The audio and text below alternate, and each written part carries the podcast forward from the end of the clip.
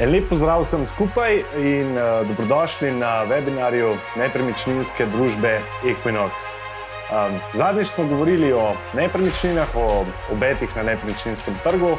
Tokrat smo pogovarjali malo o inflaciji, obrestnih merah, uh, posredovanju centralnih bank in uh, obetih za prihodnje leto. Uh, z nami sta profesor na ekonomski fakulteti v Ljubljani, gospod Igor Masten, in na moji drugi strani Matej Rigelnik, izvršni direktor v Equinoxu. Pozdravljena, gospoda. Najprej še obvestilo, mi trije se bomo kar tikali, ker nam je to bolj udobno in bolj sproščeno. Ni to izraz kakšne neuljudnosti. Moje, dovolite mi, da predstavim še sebe. Moje ime je Juri Šimac in sem novinar in urednik na časniku Finance. Spoštovane in spoštovani, dovolite mi, da vas povabim k sodelovanju v debati. Če imate za nas tri, za naša gosta, kakšno vprašanje, ga prosim napišite v okence chat, mi pa, poskusili, mi pa bomo na njega poskusili najti kakšen odgovor. Tako, zdaj pa predlagam, da kar začneta, smo, začnemo. Smo rekli inflacija. Kako sta vidva? A kaj čutite inflacijo? Mogoče Igor, zate najprej. Ja, seveda, tako kot ostali. Pač cene potrošnih dobrin, ki jih vsak dan pač trošimo, grejo gor.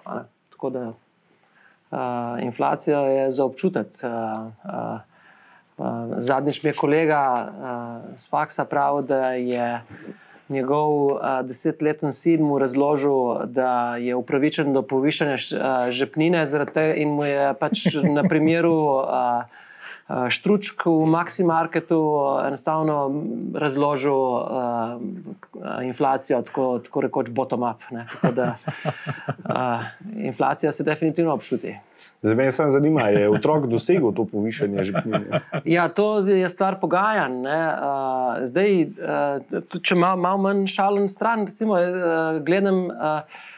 Uh, Letos se mi je zgodilo prvič, pač predavam monetarno ekonomijo, ne, skratka, nek, nek, nek predmet, ki naj bi se s tem ukvarjal, ne, denarno politiko. In, uh, jaz sem 15 uh, let uh, študentom razlagal, ne, da ko, ko je bilo govora o inflaciji in da to je nekaj, kar zahodni svet je včasih poznal, ne, torej double digit inflacija in tako naprej. Ne. In zdaj jim moram uh, razlagati točno to, da jim 15, 15 generacijam študentov sem razlagal, uh, da, da uh, tega, kar vidimo danes, ne, a, a, enostavno ne mogoče, da kdajkoli še, še vidimo, da ne o teh izkušnjah vprašajo svoje starše. Ne. In ker naenkrat smo prišli v situacijo, da neka a, ekonomska spoznanja iz, izpred desetletij, ne, ki se so se zdela mrtva, so postala ponovno aktualna. Matej. Kako ti vidiš inflacijo, kaj čutiš? Ti imaš en zanimiv, zanimiv kazalec, če se ne motim. Malo gledaš ceno bureka. Ja, mislim, jaz si na splošno malo pač uh, beležim te neke svoje izdatke. Ne? Se jaz nimam nekih zelo sofisticiranih izdatkov, ampak recimo to, ko sem malo gledal neke cene izpred dveh let nazaj, se pravi, če smatramo to zadnje dvoletno obdobje kot neko, to, kar je Igor tudi rekel, da se nekako razlikuje od tega obdobja pred. Uh, Pred letom 2020, se pravi pred COVID-om, so se mi, recimo, stvari, jaz vem, največ izdatkov praktično dajem za hrano, kdaj grem na kakšno pijačo, hitra prehrana, eh, zdravstvo, mogoče kakšne storitve na tem področju.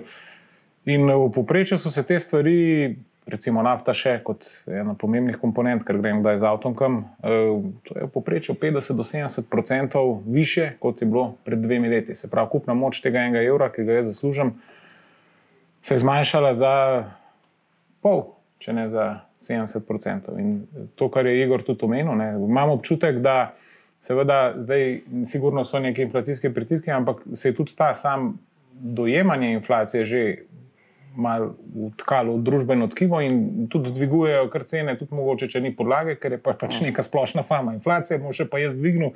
Slišal sem od enega zelo znanega slovenskega gospodarstvenika, če ne bomo tega vlaga v inflacijo ujeli, bomo zamudili ta vlak. Ja. In seveda zdaj vsi dvigujejo, še na zalogo dvigujejo in to se počasi ugrajuje v neko družbeno tkivo, ne? plače. Počasi lezajo gor, sicer realno še vedno padajo, ampak nominalno lezajo gor, kar bo verjetno pripeljalo do tega, da se bo podražil. Je pa seveda paradoksalno, da eh, jaz mislim, da tudi neka ta uradna statistika, ki to inflacijo zajema. Lete, jaz sicer nisem statistik, ampak bi rekel, da je občutena inflacija više, kot je uradno priznano. Igor, nam mogoče ti lahko pojasniš to, zakaj mi čutimo inflacijo, pre, zakaj jo čutimo precej v, na višjih stopnjah, kot nam jo mer, recimo, statistični urad. Uh, ja, uh, um, to so uh, v, v glavnem, um, uh, ko smo prevzemali evro, ne, uh, tudi druge države, so, so, uh, takrat se je precej. Uh, raziskav naredilo iz, iz tega področja. Ne, in uh, večinoma ne, je pač to povezano z uh, percepcijo um, izdatkov, ki jih dnevno um, in uh, vidno plačujemo. Ne. Uh, recimo stvari, kaj se jim kava, uh, tako kot je Matej rekel, vem, uh, greš hitra prehrana ali karkoli že so. Pač to so zadeve, na katere smo pozorni, ne, in potem se, se povišajo cene diskretno. Grejo, skratka, te skoki niso uh, vem, če je uradna statistika, ki pravi vem, 5% na letni ravni, ampak se zgodi vem, podražitev 10 ali pa 20 odstotkov in potem to nekako človek posploši. Uh, tisto, kar so pa določene cene, ki se periodično ali avtomatsko plačujejo, recimo, kakšni računi, na katere jih imamo na, na trajniku ali pa. Uh, ne vem, kje druge zadeve, ki jih plačamo enkrat na leto, kaj se na avtomobilsko zavarovanje, če, če, če mislite. Ne? To je več 100 evrov naenkrat.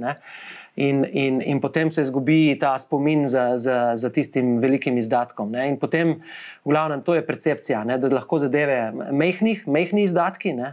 potem se posplošijo. To, to, se je, to se je opažalo tudi pri pr konverzijah valut, ne? torej iz dolarja na evro in tako naprej. In, in, in, in, in zdaj le uh, imamo en tak element, ko so se uh, zaradi uh, pač dol, ne iz COVID-a, precej teh stroškovnih pritiskov, ne, se jih je zadrževalo, zadrževalo, zadrževalo. Ne, ne vem, kaj sem, držili so se rabljeni avtomobili in tako naprej. Ne, pa se kar naenkrat je začelo to splošno ugrajevati in to za velike zneske. Ne.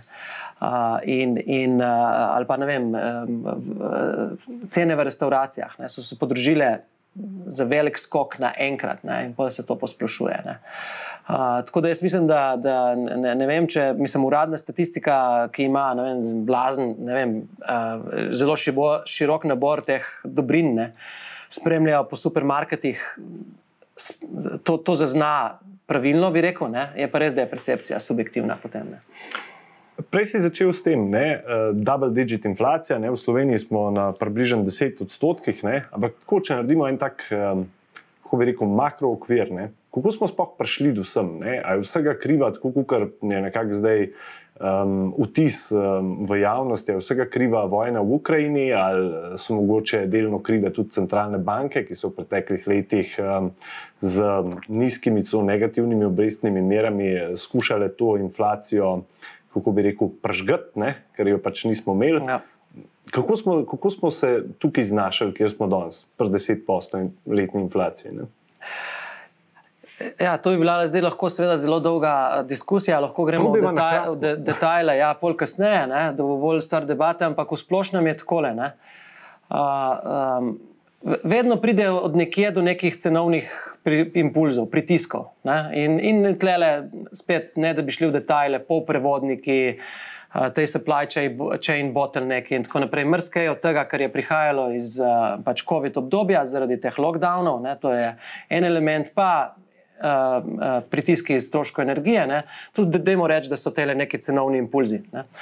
Ampak Nikoli in nikdar, ne? in to je tisto, kar se je let, pač pozabilo, ne? kar se ekonomske politike tiče v zadnjih zadnjem, uh, dveh letih, že nikoli in nikdar ne? cenovni impulzi sami po sebi ne pripeljejo do dolgotrajne, predvsem pa zelo visoke inflacije, če zraven ni napak ekonomske politike. Ne? In tukaj ne, so, te, so te cenovne impulze, ne? namesto da bi uh, vsaj neutralen, uh, uh, bi rekel, naravnanost ekonomskih politik jih pričakala. Ne. Te cenovne impulze je, je, je pričakala ultraohlapna fiskalna politika. Iz COVID obdobja, ko, ki se ni nehala, takrat, ko to, to ne bi bilo potrebno, in ultraohlapna denarna politika, ki je ustrajala krepko predolgo. In skratka, da je inflacija danes že dlje časa na tako visokih ravneh, je ključen razlog v napakah ekonomske politike. Ne? Ampak, pravim, o detajlih lahko kasneje, ampak to je povzetek. In, in to tudi ni zdaj če se gleda mnenja ekonomistov ne, so, in ogromno komentatorjev, ki so še pred, vem, še pred šestimi meseci rekli, ja, ja, ja, ne, bad luck, ne, se inflacija bo šla dol.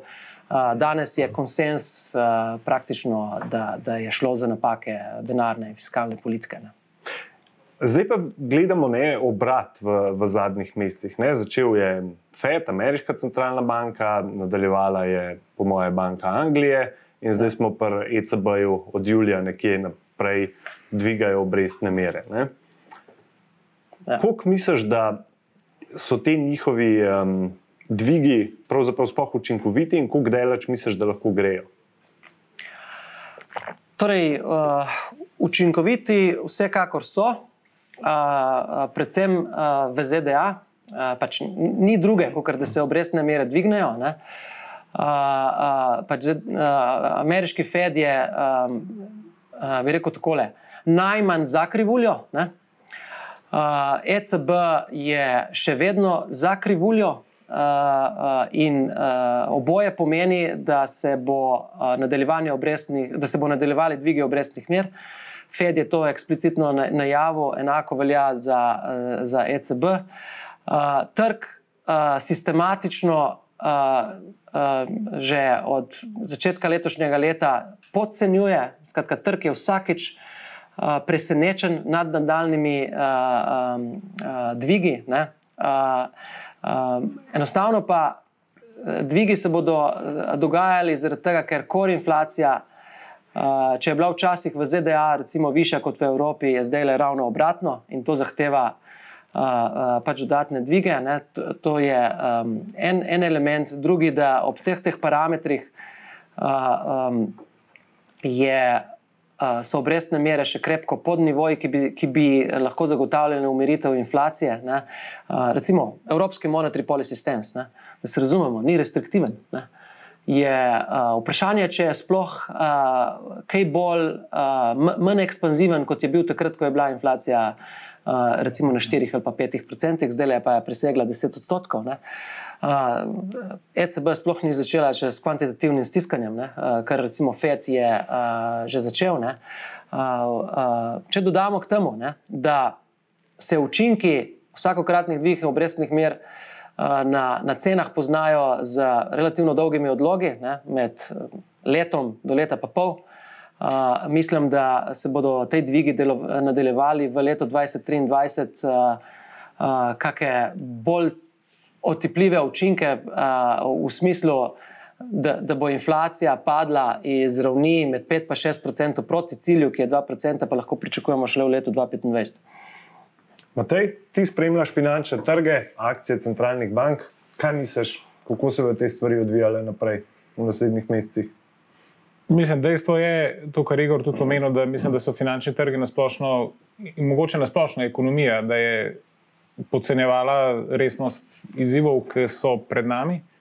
Te ukrepe, ki so jih centralne banke dejansko v letih 2020-2021 izvajale, so praktično identični ukrepi, kot so bili leta 2008-2009, ko smo imeli finančno bančno krizo, se pravi, ko je šlo za neko krizo zaupanja in krizo tudi likvidnosti, se pravi, takrat so intervenirali, čeprav je šlo za čisto drugo vrsto krize, ne, ampak urodja so uporabljali pa praktično ista. In vprašanje je, če smo ta urodja sploh rabili, eh, sploh v takšni meri uporabiti. In posledica tega natiskanega denarja, čeprav moram jaz iskreno, Igor, te bom tudi to vprašal, ne, ali se na ekonomski fakulteti sploh še eh, predava kaj o recimo eh, Miltonu Friedmanu, ali je ta zgodba končana in je vse to novodobna monetarna politika v tem smislu, da vse uravnavaš nekimi pričakovanji, ne pa z količino denarja v obtoku. Ja, mislim, klasična, rekel, monetaristična misel je ideološko nezaželena, ko ne to, to, to rečem. Ne. Seveda, jaz to predavam, ampak dvomim, da, da je to zdaj. Ker sem videl eno debato ravno na to temo, ko so enega skoraj iz studija vrgli, ki je rekel. Ja, kaj pa je Friedman rekel? Skratka, do, velikega, do velike diskrepance je prišlo. Ne.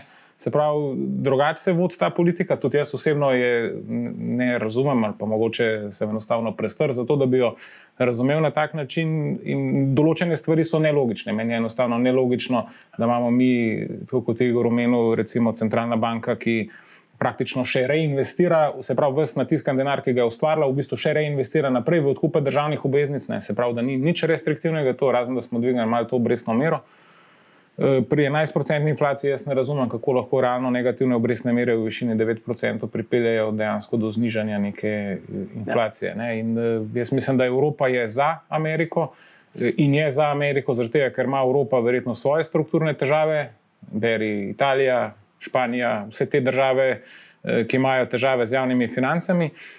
Se je pa nasplošno ta fenomen javnega dolga, recimo, koliko so se države, če vi pogledate Slovenijo od leta 2000. Slovenija, demo tako začeti. Slovenija je imela leta 1991, mislim, da 10%, dolga, 10 bruto domačega proizvoda dolga. Ne. Mi smo bili leta 2007, kje, na kje 25%, 25, 25, 23%. Pa smo to po dolgem pripričevanju, da smo končno sanirali ta bančni sistem, dvignili za kar konkretno, ne. ampak zdaj smo spet dodatno zadolžili iz naslova teh ukrepov. Um, fiskalnih ukrepov to precej, in tudi državni dolg, slej kaj prej. Ne. Vprašanje, kako vzdržen bo, ker tudi vmes se je teza spremenila, da preudarne javne finance niso več potrebne, se pravi, da lahko gremo po japonskem scenariju, se pravi, da lahko zadolžimo državo tudi do 300% bruto domačega proizvoda. Jaz to nikoli že nisem uh, slišal ali pa videl. Tako da zelo zanimivi časi. Predvsem pa.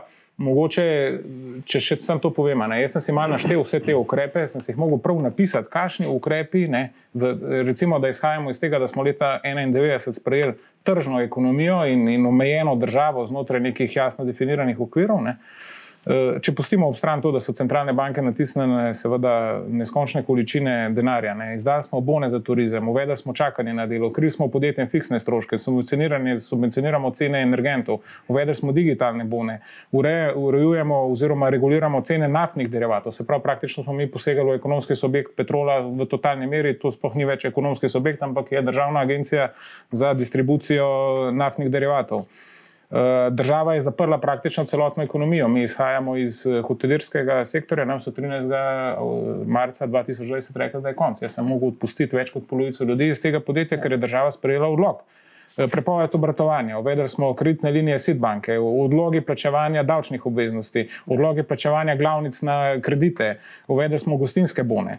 Poglejte, in, in eh, vse, kar slišim, je, kaj bomo še v letu 2023 še naredili in kaj bo država naredila. Ampak to ni, ne še samo enkrat to podarjam, to ni fenomen Slovenije, to je globalni fenomen je, je. spremembe. Tok je to. Tako. Tok, ja. no, vse to je bilo pravzaprav moje naslednje vprašanje. Ne? Na eni strani vidimo, da centralne banke zdaj skušajo nekako umiriti inflacijo, ne? na drugi strani pa imamo države z svojimi fiskalnimi politikami ali kar koli, ki denar še naprej porivajo v sistem. Je to prek subvencij, je to prek uh, draginskih dodatkov, kapic. Kako gre to skupaj? Ne? Centralne banke na eni strani bremzajo, država na drugi strani pritiska na plin. Kaj se lahko iz tega izcim?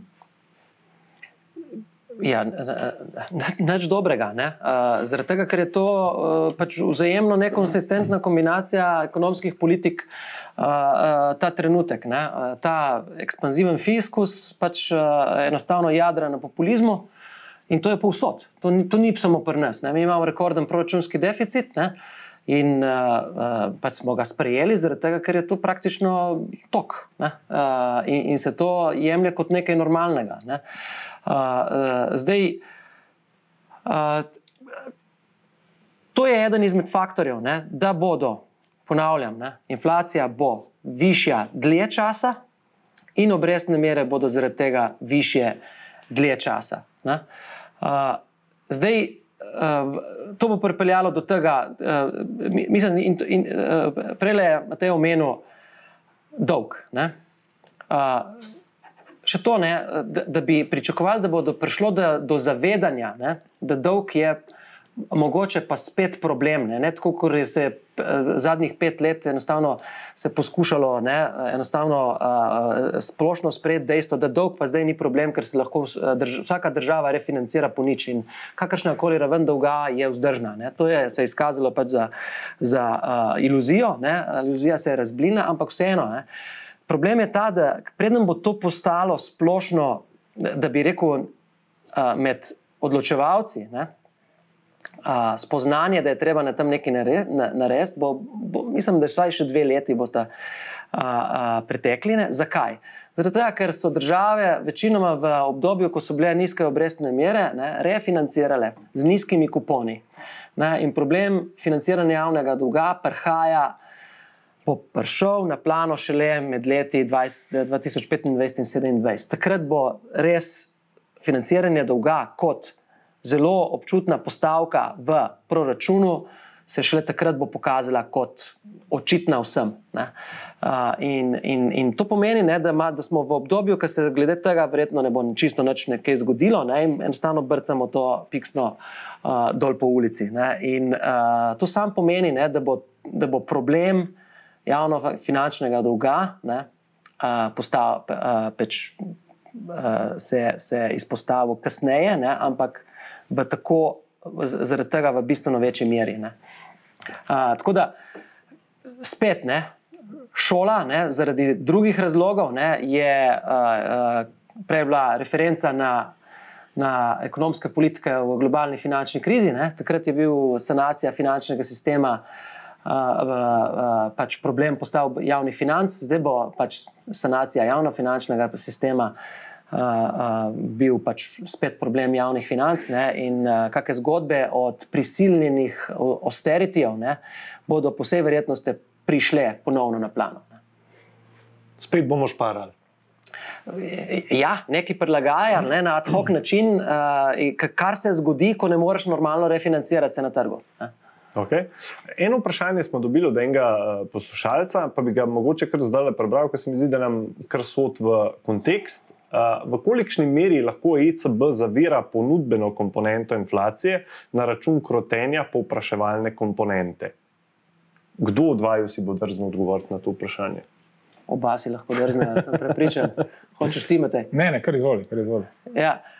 To, je, to vprašanje ne, je uh, odlično vprašanje. Torej, hvala za njega. Zaradi tega, ker uh, uh, uh, berem poslušam ne, od strani kolegov, in to je skoraj spet ena izmed tistih na novo posta, postalih resnic, ne, da v, v primeru ponudbene inflacije centralne banke naj ne bi naredile nič. Ne. To seveda ni res.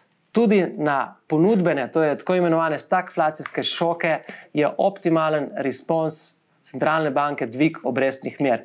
Tako da uh, uh, med odzivom na stagflacijski šok in uh, šok povpraševanja, oziroma prekomernega povpraševanja, tukaj nobenega konflikta, kar se primernega odziva uh, strani denarne politike ni. Ne. Oboje zahteva dvig obrestnih mer, in uh, danes je inflacija previsoka, zaradi tega, ker se na to, kom, uh, to kombinacijo šokov uh, centralne banke niso pravočasno odzvale z dvigom obrestnih mer. Hvala. Matej, ti pa imaš zdaj čas, da dopolniš gospoda profesorja. Ne, jaz se bi, jaz se bi morda sam, a, mislim, nimam kaj dodati, da je to že bilo v 70-ih letih z naslova naftnega šoka in da že vse te stvari poznamo, da to ni neka nova stvar, ki je človeštvo doživela. Res je, da se interpretiramo mogoče drugače, ker od tega že 50 let, ampak eh, neke resnice ja. vendarle ostanejo. Ne. E, mogoče še to, ne, to kar je Igor rekel, ne, da Ne, kako, kako zelo se je to spremenilo z vidika države in javnih financ? Ne? Vi se spomnite leta 2014, mi smo govorili o trojki v Sloveniji, da bo prišla trojka, pa smo imeli ne vem kaj, kakšen javni dolg, verjetno pol, ne pol nižji, ne, ampak predvsej manjši kot zdaj, ker takrat so vsi pritiskali na to, da znižamo javno porabo, da znižamo delež dolga v javnih, mislim, da znižamo delež zadolženosti države. Skratka, bila je čist neka druga politika, pa tudi tega je ni 6-7 let. Se pravi, to se je drastično spremenilo. Mi smo Grčijo praktično razmontirali, pa odfelali fabrike v Nemčijo, zato so poplačali dolgove. Tako da smo šli s tem austeritijem, ja. zdaj se je pa ta zadeva popolnoma obrnila. Smo rekli, ne, ne, ne, sicer se noben ni upravičil za tisto politiko, by the way, pa rekel, da je bila napačna, ampak zdaj smo vedeli, obrnili pa še in gremo na polno naprej. Se pravi, to je drasti, totalen zasuk. Ne? Totalen zasuk ne? Mi smo zdaj, mislim, da je Slovenija rezervirala 700 milijonov za reševanje, eh, za reševanje mislim, da geoplina. Ne? To smo sprejeli na vladni seji in smo rekli 700 milijonov. Jaz se spomnim, koliko časa smo se v Sloveniji pogovarjali, da smo zbrali koliko milijard za banke. Ne vem, tri. tri. Tri, tri milijarde za banke, to smo zbrali pa v enem popoldnevu ob kavi, smo rekli, da pa še 700 milijonov za rezervo v, v geoplin. Za, za, za NLB pravočasno dokapitalizirati, ne? Skratka, v letih ja, 10-11 se, ni, se ni, ni bilo mogoče zbrati 400 milijonov. Če bi to takrat naredili, bi eh, kasneje milijarde manj bile potrebne.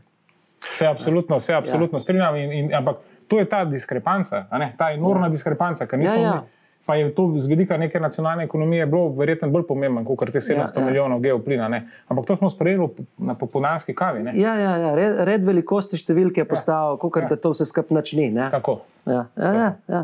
odličen pojem. Evo, uh, to vprašanje je imelo sicer še drug del. Ne? Če v tem kontekstu oziroma aspektu bolj verjeten scenarij neka kratkotrajna recesija ali dolgoročna stagflacija. Ne? Zdaj smo pa že pri letu 2023, 2024 in tako naprej. Ne? Kako, kako vidva vidita prihodnje leto ali pa leto 2024? No? Neke mednarodne institucije imamo, smo jih imeli tudi v Sloveniji, ki nam vse napovedujejo še nekako, vsem, da neka blaga rast pa vsem bo drugo leto. Igor, mogoče zate. Ja, uh, uh, blaga rast, ne, torej um, bolj realistično, um, uh, ne, torej uh, motoviljenje okrog nule. Ne. Uh, uh, torej, tudi, tudi če ni uh, pač negativne rasti, to, kar se obeta, je daljše obdobje, uh, pač bolj. Uh, Nič, uh, bi rekel, uh, relativno re, letargične ekonomske aktivnosti. Ne. V takem, v, takem obdobju, pač v taki situaciji se ne ustvarjajo nova delovna mesta, sej itak, t- t- teh eh, presežka itak ni, ne. tako da kvečemu se bodo sproščala. Um, um, ampak dejstvo je, ne, da tudi uh, uh, vem, investicije ne, uh, niso nekaj, kar, kar je to blazno uh, pač spodbudno okolje za to. Ne. Tako da um, jaz, temu, jaz mislim, najbolj bi rekel, da se nam obeta neko obdobje Madeleine Truje. Ne? Uh, malo gor, malo dol, ne? ampak nikoli v zgodovini se taka. Mi, mislim, da bo to res eh, izgubljena lahko dekada. Ne? Razlog pa to je, tega, ker še vedno pravim. Ne? Uh, uh, uh, kratkotrajna recesija, ne, čeprav ostra, ne, bi bila boljša z tega vidika, ne, ampak ni, ne, tega nimamo, tega ne bomo videli, ker konstelacija ekonomskih politik ni taka. Ne. Matej, a bomo rastli, a bomo padali, ali bomo motovilili, kot pravi Igor. Uh, mislim, mogoče bi se navezal to, na investicije, pa na splošno na ekonomsko okolje z enim dost, z, nekim dogodkom, ki se je zgodil nedolgo nazaj, v ponedeljek. Ne. Uh, vsi se še spomnite, da so banke leta mislim, da 2021, če se prav spomnim, uvedle ležarine na denarne vloge uh, tisti, ki so imeli denar na bankah. Se pravi, banka vam je dejansko nominalno, se pravi, imeli ste 100 evrov, pardon, 100 tisoč evrov, mislim, da je bila meja. In banka vam je mesečno utegala toliko in toliko denarja, mislim, neko ležarino za to, če ste imeli ta denar na bančnem računu. Se pravi, ni spodbujala nobenega varčevanja, ampak je dejansko vam nominalno zmanjšala vrednost vaše vloge. Ne. To vse je trajalo do meseca junija letošnje leto, tudi mi kot podjetje smo imeli na bankah eh, nekaj denarja ne. in z nami je banka, mislim, da dnevno 200 ali 300 evrov odtegala in to zaračunala kot ležarino. To je bilo do junija, ne. do konca meseca junija. Ne. V ponedeljek je NLB, se pravi naša največja banka, mislim, da 30 ali 32 odstotkov celotne bilančne vsote, izdala obveznico na mednarodnih kapitalskih trgih z obrestno mero 11%. Se pravi, od meseca junija, ko smo zaračunavali žarine, do tega, da more banka v drugem poskusu, ne v prvem, v prvem jim ni uspel, za 10,25 jim ni uspel, se pravi, za 10,25% obrestno mero jim ni uspel, se pravi, so se morali zadolžiti po 11% v obdobju, se pravi, ta diskrepanca v obdobju petih mesecev. Se pravi, okolje se je tako drastično spremenilo od neke te res ekstremne monetarne in siceršnje ekspanzije do tega, da so banke prisiljene plačevati tako visoke obrestne mere. Tako da za neko ekonomsko okolje je to zelo.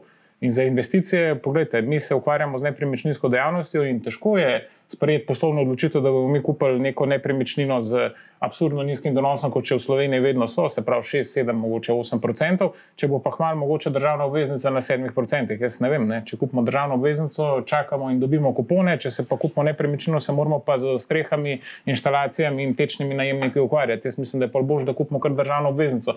Skratka, hočem reči, da je to okolje zelo čudno in eh, zelo težko sprejemaš neke pametne poslovne odločitve. Ne. Predvsem se verjetno vsi ekonomski subjekti postavijo nazaj in čakajo. Ne. Kaj pa to pomeni za ekonomijo?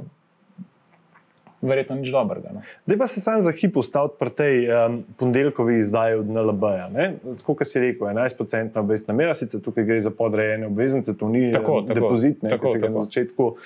Ampak vseeno, eh, ko smo gledali recimo Agrokor pred ne vem, koliko, tremi, štirimi leti, ko izdajo obveznice, to je bila okrog 10-odstotna obrestna mera. Ne. Takrat smo si rekli, to je junk. Zdaj pa banka izdaja podrejen dolg po 11%. Kako, kako smo sem prišli? A jo čudno vidijo? Ali, Jaz mislim, da smo vsem, ne, jaz mislim, da ni to problem eh, NLB-ja in kakovosti NLB-ja ali pa njihovega portfelja ali pa eh, ne vem, neke ekspanzije na to srednjo, mislim, na ta Balkan. Ne. Jaz mislim, da je to več, več razlogov za to. Sigurno je drastičen dvig splošnih nivojev obrestnih mer, se pravi, obrestne mere so šle iz Euribor minus 0,5 na zdaj na 2%, future se kaže, da lahko gre celo na 3-3,5%, se pravi, nek splošen dvig eh, obrestnih mer. Drugo je, da je zahtevan donos vlagateljev, ki ne vlagajo v državne obveznice. Se pravi, državne obveznice imajo načeloma najnižjo donosnost, če vlagatelj kupi korporativno obveznico, je ta povezana z dodatnim tveganjem, da ta korporativni, da to podjetje pač te obveznice ne bo poravnalo. Je, se so te prebitki povečali.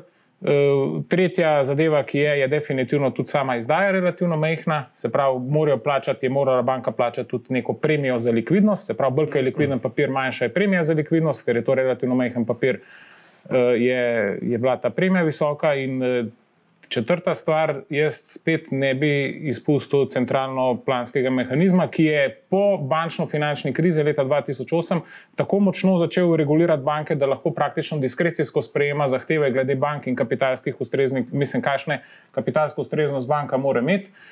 To praktično iz meseca v mesec ali pa iz leta v leto lahko sprejemajo. Oni so sprejeli neko novo direktivo, brez veze, da gremo v neke detajle, po katerih mora banka izdajati te inštrumente, kar je banke dodatno postavili pod pritisk, da so na, za vsako ceno morali to izdati, um, izdati, in seveda je to drago. To je drago.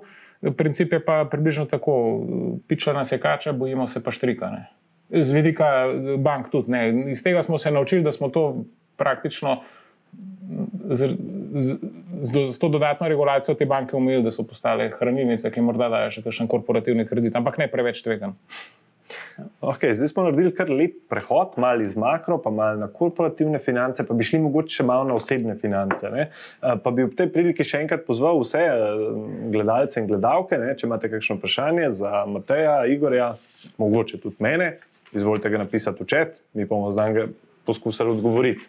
Um, pa bi mogoče šel, Igor, zdaj tako s tabo naprej. Ne? V vabilu na ta webinar ne, so pri Equinoxu se vprašali, a nam bo inflacija požrla prihranke. Ne?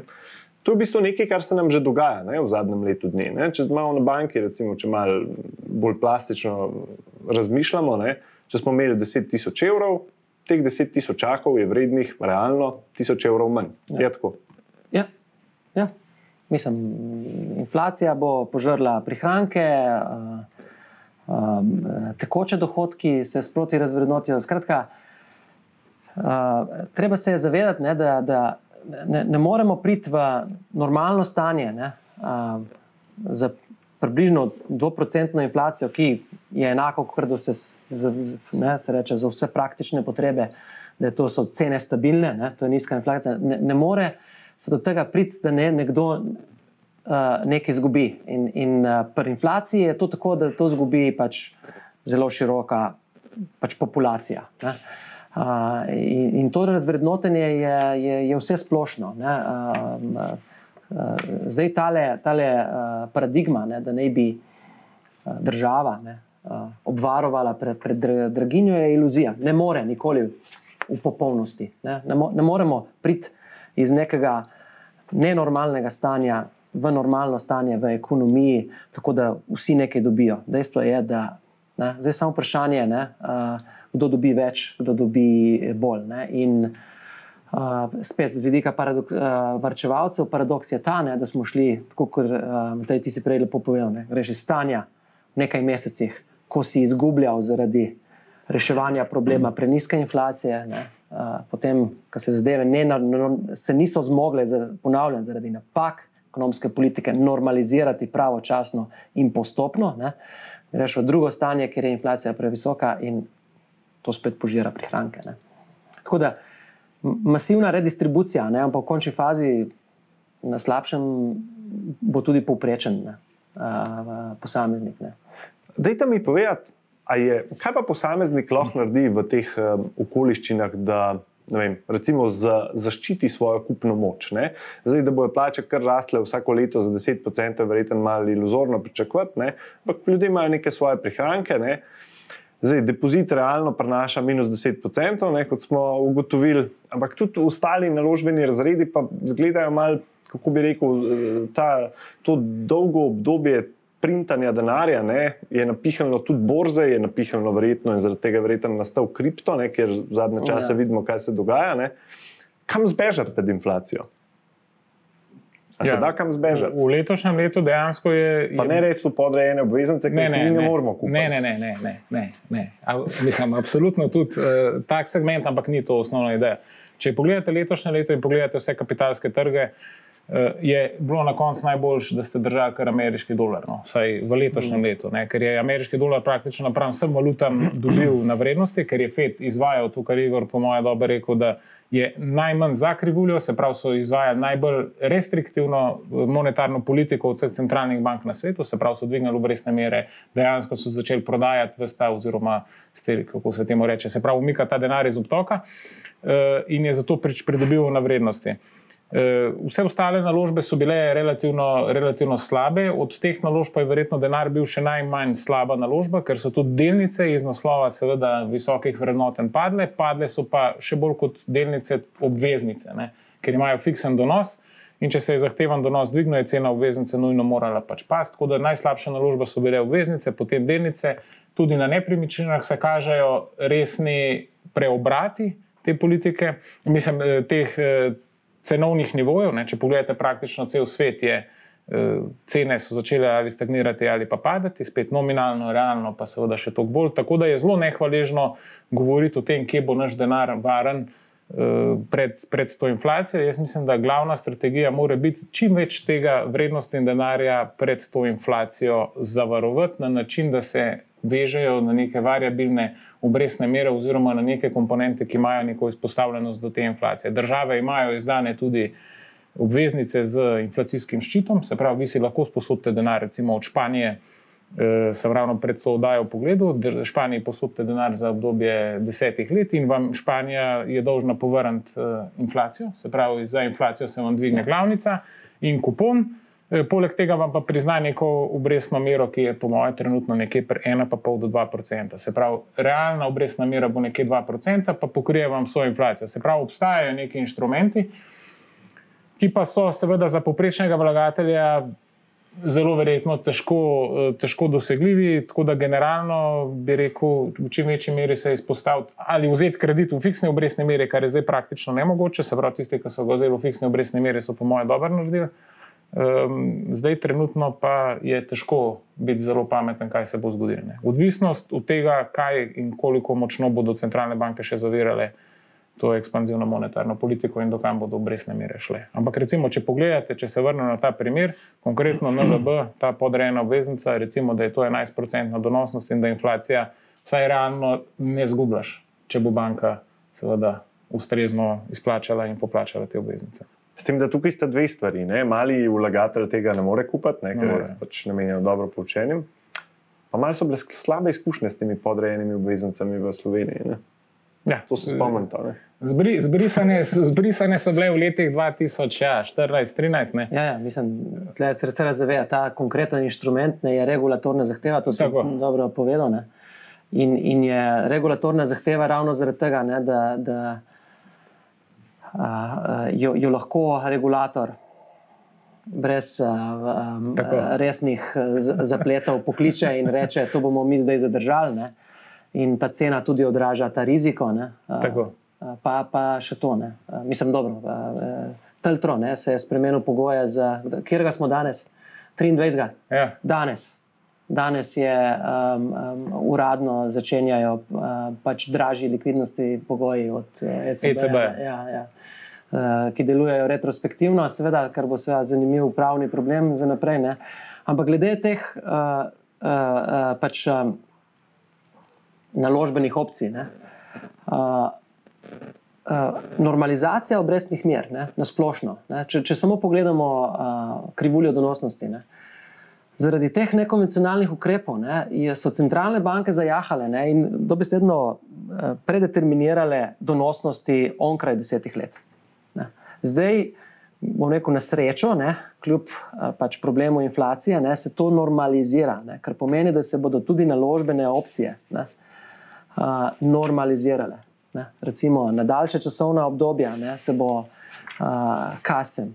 Primer, ki ga je dal, zaščita pred inflacijo, končno obljublja realno pozitiven donos. Ne.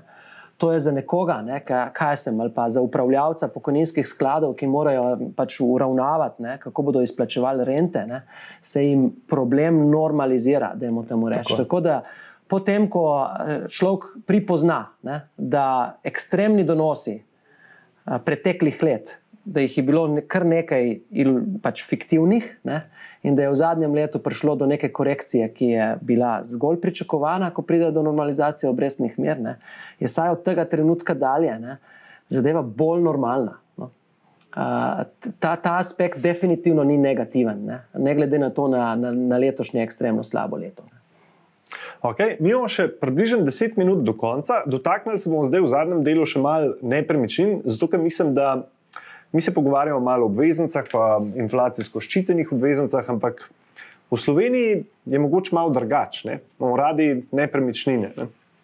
Kako pa, Igor, misliš, da ta trg eh, performa oziroma se obnese, ko centralne banke dvigajo obrestne mere, banke držijo posojila, če zdaj gledamo ponudbo ja. slovenskih bank, fiksne obrestne mere grejo proti petim odstotkom.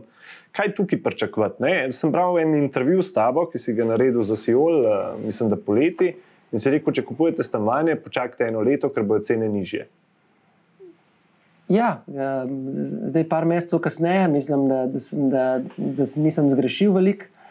Uh, sej, mislim, da ni tle kaj uh, biti dosti pameten. Uh, treba se zavedati, da, da, da, da velik del rasti nepremičnin je bil uh, pač podkrepljen uh, z ekstremno nizkimi obrestnimi merami, da se je dalo zelo enostavno, uh, relativno enostavno zadolžiti po fiksni obrestni meri z, in to po nizki fiksni obrestni meri. Kdorkoli je to naredil, je naredil posel življenja, ne, ne glede na to, da je plačal nekoliko više obrest, uh, pač ceno.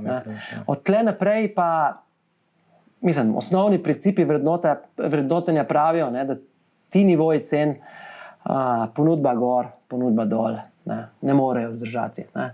Uh, pa zaradi višjih stroškov, ne, spet smo pri inflaciji, bodo cene nominalno ostale, ostale nizke. Ne ne more pa to rasti na, na kratek rok, ali pa na ne, horizontu nekaj let, paci, mislim, um, zelo verjetni. To je Matej tudi sam prej rekel, da donosnosti realno negativne, tudi nominalno lahko ne. Um, ampak, spravi, ne, to je samo stvar normalizacije, če me vprašate. Ne. Ker, ker, ker imeti osnovano eh, neko vrednotenje na zgodovinsko uh, nizkih obrestnih merah, ne, na nuli, uh, ki so se izkazale, zdaj se je to pač potrdilo ne, s tem skokom inflacije, ne, da, da to ne more biti new normal, ne, ampak je bil vseeno exceptional, ne, da, da, da, da, da tudi to, kar so se ljudje navadili v zadnjih petih letih, glede na nepremičnin, ne more obstati. Okay.